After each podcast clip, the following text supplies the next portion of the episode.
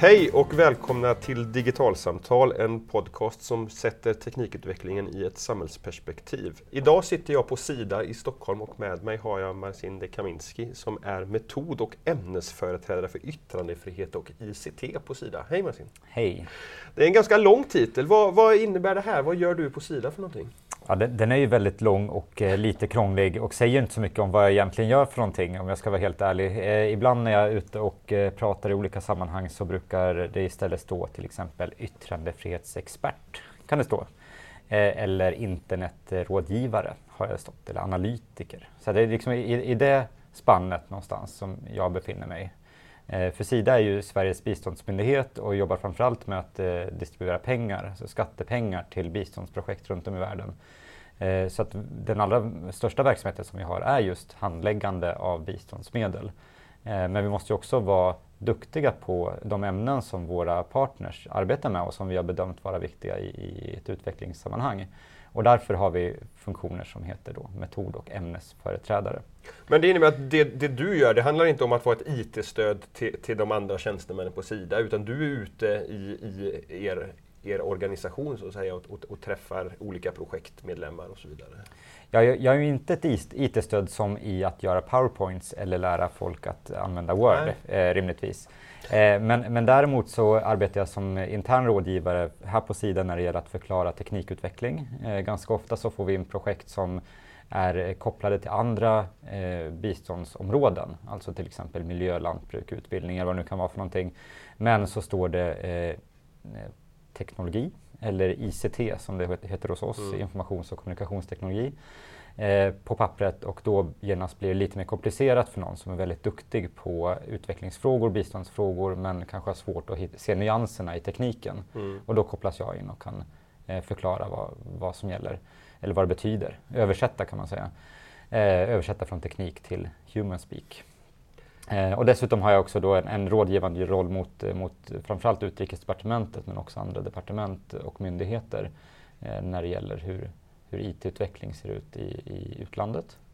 Eh, och det tredje är också att jag ska försöka hitta någon strategisk riktning för Sida. Hur, hur ska vi jobba med frågor som rör yttrandefrihet, nätfrihet, eh, teknikfrågor? Vad, vad är framtiden eh, i, i de frågorna, som trendspaning. Lite. Men du säger yttrandefrihet och nätfrihet, är det, är det kring, kring de frågorna som din teknikkompetens in i organisationen handlar? Eller, eller är det liksom andra IT-relaterade frågor också? Vad är big data mm. och så vidare?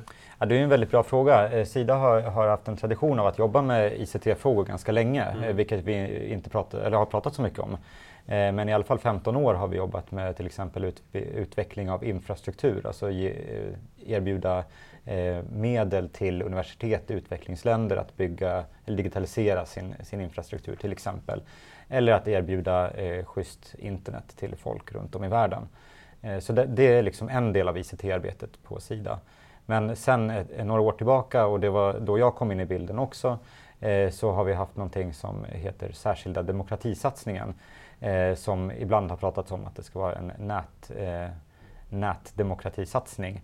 Eh, där man har jobbat just med mänskliga rättigheter och teknik, mänskliga rättigheter och internet och då har det varit ett särskilt fokus på yttrandefrihetsfrågor och, och det är där jag kommer in. Men, men handlar det, eh, ett sådant arbete då om, om hur, hur tekniken används för att, för att ta ifrån människor sina yttrande, eh, möjlighet till yttrandefrihet eller handlar det om hur man kan använda nätet för att, för att utnyttja sin yttrandefrihet?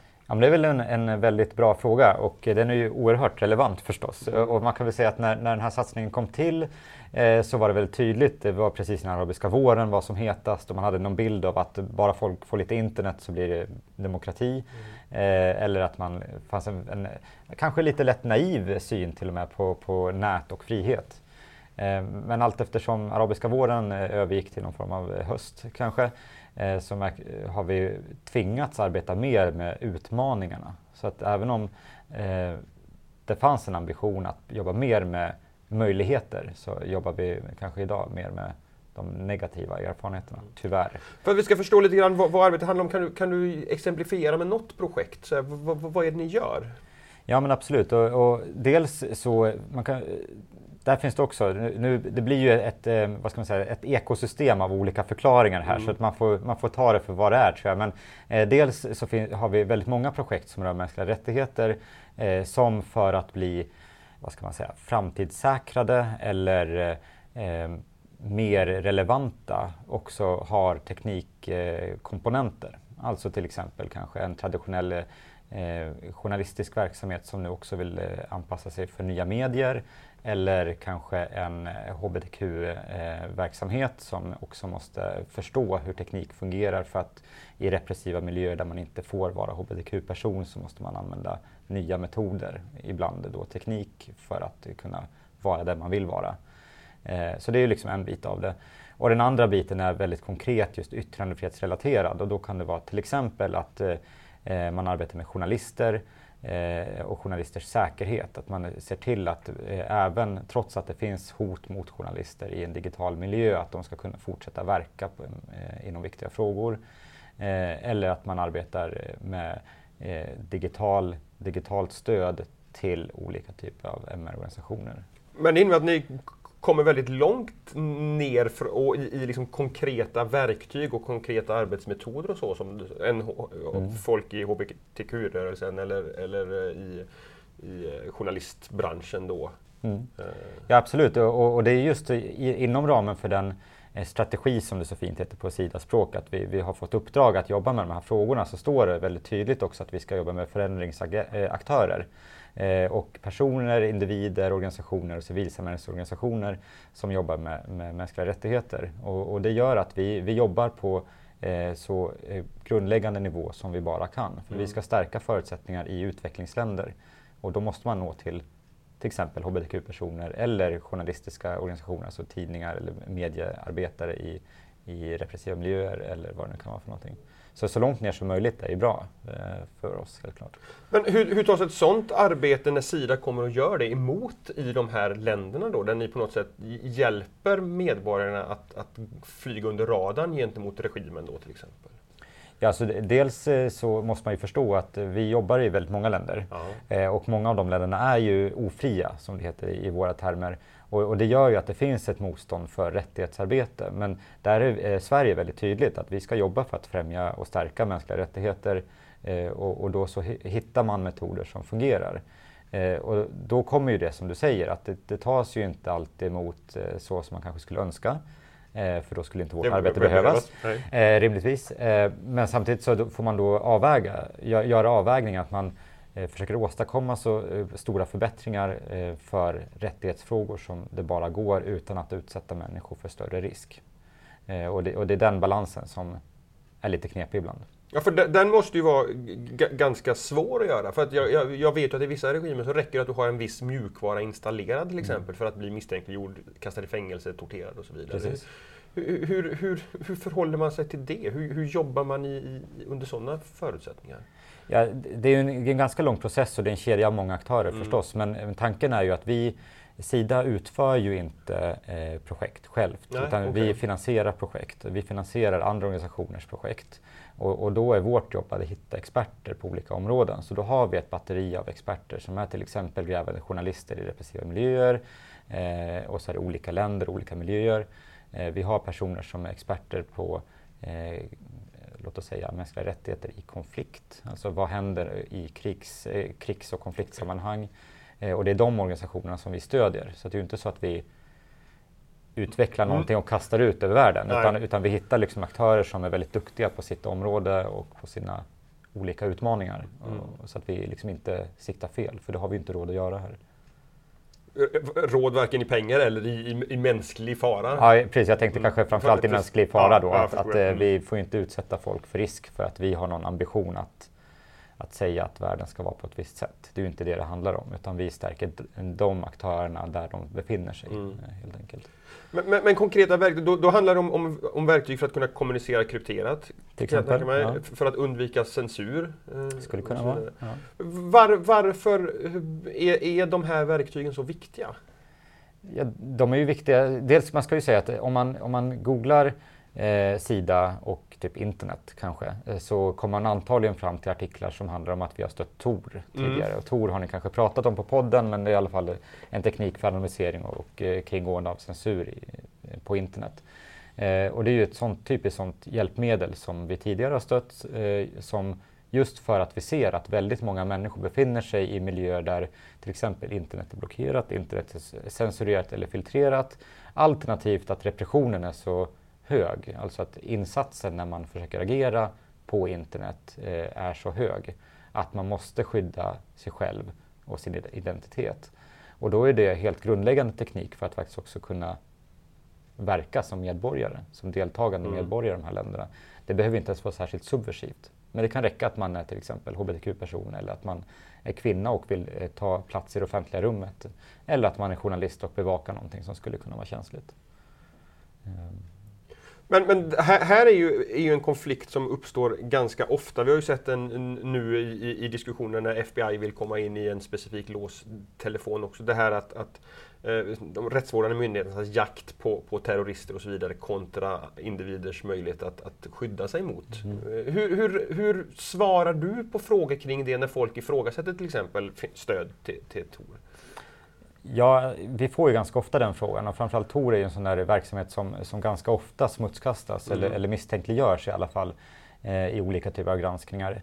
Eh, och, och, jag tänker mig att det finns två svar. Och det, det, ena svaret är att Sida, när vi gör utvärderingar av vilka tekniska projekt vi ska stödja eller vilka tekniska projekt vi ska uppmuntra våra partners att använda, eh, så gör vi det väldigt tydligt kopplat till mänskliga rättigheter. Mm. Alltså vi stödjer ju inte Tor som sådant, utan vi stöder det i sam sammanhang som, där det också finns en bäring på mänskliga rättigheter. Eh, och, och, det tycker jag är viktigt, att det, det är inte någon teknikneutral eh, utveckling som vi stödjer egentligen. Utan det ska finnas en, en eh, rättighetsbäring. Men det handlar ju också om att eh, kryptering är ju så pass viktigt för, för vår digitala infrastruktur generellt. Så att det är svårt att vara mot kryptering om man vill ha ett säkert samhälle. Mm. Just för att Tor till exempel är en otroligt liten eh, del av det krypterade nätet. Utan mm. Vi vill ju att även våra utvecklingsländer här till exempel ska ha en internetinfrastruktur som är säker. Alltså vi vill ha en, en bra möjlighet att utföra bankärenden eller hälsoärenden i en digitaliserad miljö och då måste vi vara för kryptering. Och då blir det väldigt konstigt om man ska välja en kryptering men kasta bort en annan. Men, men beror den här, den här diskussionen på att det, det, finns, att, att det är en allmän kunskapslucka om vad internet faktiskt är och hur internet fungerar? Dels som du säger att kryptering eh, behövs för att vi ska kunna göra våra banktransaktioner på ett säkert sätt och vi kan heller inte skapa en, en struktur för nätet i västvärlden och en annan i de repressiva, repressiva miljöerna. Att, mm. att det, det, det, finns liksom ett kunskapsglapp här som gör att man hamnar i en diskussion som inte riktigt är, är relevant egentligen. Ja, eller den är ju relevant ja. fast den är oinitierad. Ja, så, nej, eh, precis. Helt klart att, att vi har ju en... Eh, och det, det handlar lite om dramaturgin tror jag, att man, mm. man vill fortfarande se internet som något eh, lite mystiskt och, och farligt samtidigt som man inte kanske förstår att internet finns runt omkring oss. Mm. Och att också att det är ett och samma eh, världsomspännande nätverk är ju viktigt att komma mm. ihåg. Att vi kan inte välja eh, att eh, vara för eh, säkra nät i andra länder, vilket vi är enligt våra strategier. Mm. Eh, och sen säga att men det är inte lika viktigt här hemma, för här har vi minsann riktiga problem. Mm. Eh, alltså man får ju välja eh, och eh, då är ett öppet, säkert och fritt internet förstås den vägen man borde gå. Amnesty kom ju med en rapport här bara för någon vecka sedan som heter Encryption, a matter of human rights. Och det, mm. alltså, det, den handlar ju också om just de här sakerna. Det, man behöver kunna vara säker på att kommunicera på ett konfidentiellt sätt. För att kunna våga ut, utnyttja sina, sina mänskliga rättigheter helt enkelt. Ja precis och, och förra sommaren så kom också FNs specialrapportör om yttrandefrihet med, med en liknande rapport. Alltså att eh, kryptering och anonymitet på internet är helt grundläggande för att människor ska kunna eh, utöva sina mänskliga rättigheter i väldigt många länder. Mm. Eh, och, och, det tycker jag det är väl en rimlig hållning. Mm. Eh, sen så handlar ju det om att man måste ha ett rättighetsperspektiv på det också. Att se att det, det, man gör också när man pratar om krypteringsfrågor är att man måste se till att man stärker den lilla människan eh, och, och eh, stärker egenmakten hos människor som är utsatta på olika sätt. Se, se, vilket resultat ser ni när, när ni, när ni har, har hjälpt till att, att, få de här verktygen på marken så att säga? Hur förändras folks användande utav internet då? Ja, målsättningen är ju att, att människor ska använda internet på ett sätt som är säkert och eh, att, eh, för, ja, för det första att, internet, att nätet ska vara säkert förstås, men också att människor ska ut, att använda internet på ett säkert sätt. Eh, och vi vill ju att det ska användas för att stärka mänskliga rättigheter. Eh, problemet när man får frågan, precis som du ställer, men, eh, vad, vad har ni gjort då? Hur, hur bra går det? är att man ska minnas att till exempel så eh, har eh, friheten på nätet minskat för fem år i rad. Eh, vi ser också en allmän demokratiutveckling som inte är ljus. Alltså vi, de senaste 30 åren har det varit en demokratiuppgång generellt runt om i världen men de senaste åren har vi sett en stagnation när det är väldigt många länder som stannar i fältet eh, medelfria eh, eller medeldemokratiska eller ramlar tillbaka till någonting som är ofritt eh, snarare än att gå framåt. Så att även om man skulle mäta exakt vad som har åstadkommits så kanske det inte skulle se så bra ut på grund av världsläget. Nej, okay. mm. så, så jag brukar försöka undvika att mäta. Mm. Ja, men jag tänkte inte, kanske inte som, liksom, få, få hårda siffror utan, utan liksom så här, Va, mjuk, mjuka liksom? upplevelser ja. liksom, utav, utav hur, hur den här nya kunskapen om hur man kan använda internet faktiskt förändrar för en enskild individ. Vad, vad, vad, vad får de för möjligheter efter ett Sidastött projekt som de inte hade tidigare? Ja, men ett exempel skulle kunna vara till exempel att man, att man får insikt i att det finns stater som använder övervakningsmjukvara mot sina egna medborgare. Det är en typisk sån sak som man skulle kunna få eh, utifrån eh, mm. våra pengar. Mm. Eh, skulle också kunna vara att, att eh, journalister faktiskt får verktyg och, och eh, en, en förståelse för eh, vilken typ av hot de befinner sig i just nu. Och de är ju duktiga journalister redan, det är ju inte det det handlar om. men hoten förändras och fler miljöer är repressiva. Och då kan det vara värt att, att faktiskt få utbildning i hur hanterar man digitala mm. hot mm. som, som man råkar ut för. Eh, det skulle också kunna vara att koppla ihop eh, de frågor som eh, till exempel kvinnorättsrörelser har jobbat med väldigt länge, kränk, alltså kränkningsfrågor, näthat, eller hatfrågor, eh, kvin, våld mot kvinnor, mäns våld mot kvinnor och ojämlikhet generellt eh, och koppla på en online kontext på det just mm. för att visa att, att det faktiskt är samma typer av strukturer som gäller vid könsbaserat våld online som annars och då också eh, leta strategier för att okay. eh, stärka de rörelserna i, i de frågorna. Mm. Så det är så, sånt, men det blir fortfarande svårt att säga att det här har, vi, ja, har jo, gått skitbra det, liksom, det, för att det, det ja. Det, det, jag upplever när jag är ute och föreläser för journaliststudenter om digitalt källskydd och de verktygen som finns att använda, PGP och mm. Tor och Tails och allt vad de heter. Så, så det, det, det finns ändå en, en tröskel mm. att, att ta till sig den här tekniken. Först förstå varför den faktiskt behövs och sen omsätta den förståelsen i praktik. Därför att verktygen är inte så enkla att använda som många av andra verktyg som, som man använder på nätet idag. Hur, hur upplever ni det här? Liksom att, att, hur, hur, lätt är det att, att, få förståelse för problemen och hur lätt är det att, att faktiskt börja använda de här verktygen som finns? Det är nog den, den, svåraste utmaningen som vi har. Eh, just det att vi har väldigt många partners som har jobbat med rättighetsfrågor väldigt länge. Mm. Eh, som nu också har börjat drabbas av till exempel övervakningsfrågor eller repression på grund av vad de skriver online eller vad det nu kan vara för någonting. Eh, som då behöver tränas i att förhålla sig till tekniken för att kunna fortsätta med sitt jätteviktiga arbete. Och då finns det en, en rad utbildningsprojekt eller träningsprojekt när det gäller de här utmaningarna, precis som du pratar med, med journaliststudenter också men problemet är just hur får man människor att fortsätta med en klok praktik även när träningen är över. Och, och där ser vi just att den här, det har funnits en tradition i, i, vissa länder eller vissa organisationer att man gör en sorts parachuting, att man dyker ner i en, i en verksamhet med någon form av experter, ger expertstöd under en dag, en vecka eller vad det nu kan vara för någonting, så åker man hem och hoppas på att det ska vara löst. Eh, det är ju inte en jättebra strategi mm. för ofta så slutar folk använda verktygen när tränaren åker hem för att det är någonting som inte funkar eller vad det kan vara för någonting. Utan det vi ser väldigt tydligt är att eh, långsiktiga projekt är det som ger resultat. Alltså att man tränar människor lågintensivt fast under längre period, att man gör återkommande övningar eh, och också får med dem i diskussionen om säkerhetsfrågor. Alltså att man ökar medvetenheten för att man tvingas tänka på det. Eh, och det är därför jag tror vi ser nu att de eh, vad ska jag säga, internationella forum som vi finns i, alltså de samtal som vi finns i, de konferenser som vi åker på, har tidigare varit ganska tech-täta. Mm. Eh, Medan nu så handlar det allt oftare om eh, journalisters möjlighet att uttrycka sig i, i, digitala medier. Eller det kan röra sig om eh, mänskliga rättigheter och teknik. Alltså man gör de här kopplingarna lite oftare. Och, och det ser jag som en, en del av det här, att det finns ett intresse för korspollinering och för långsiktig eh, medvetandehöjning eh, mm. när det gäller de frågorna. Åt båda hållen för mm. den delen.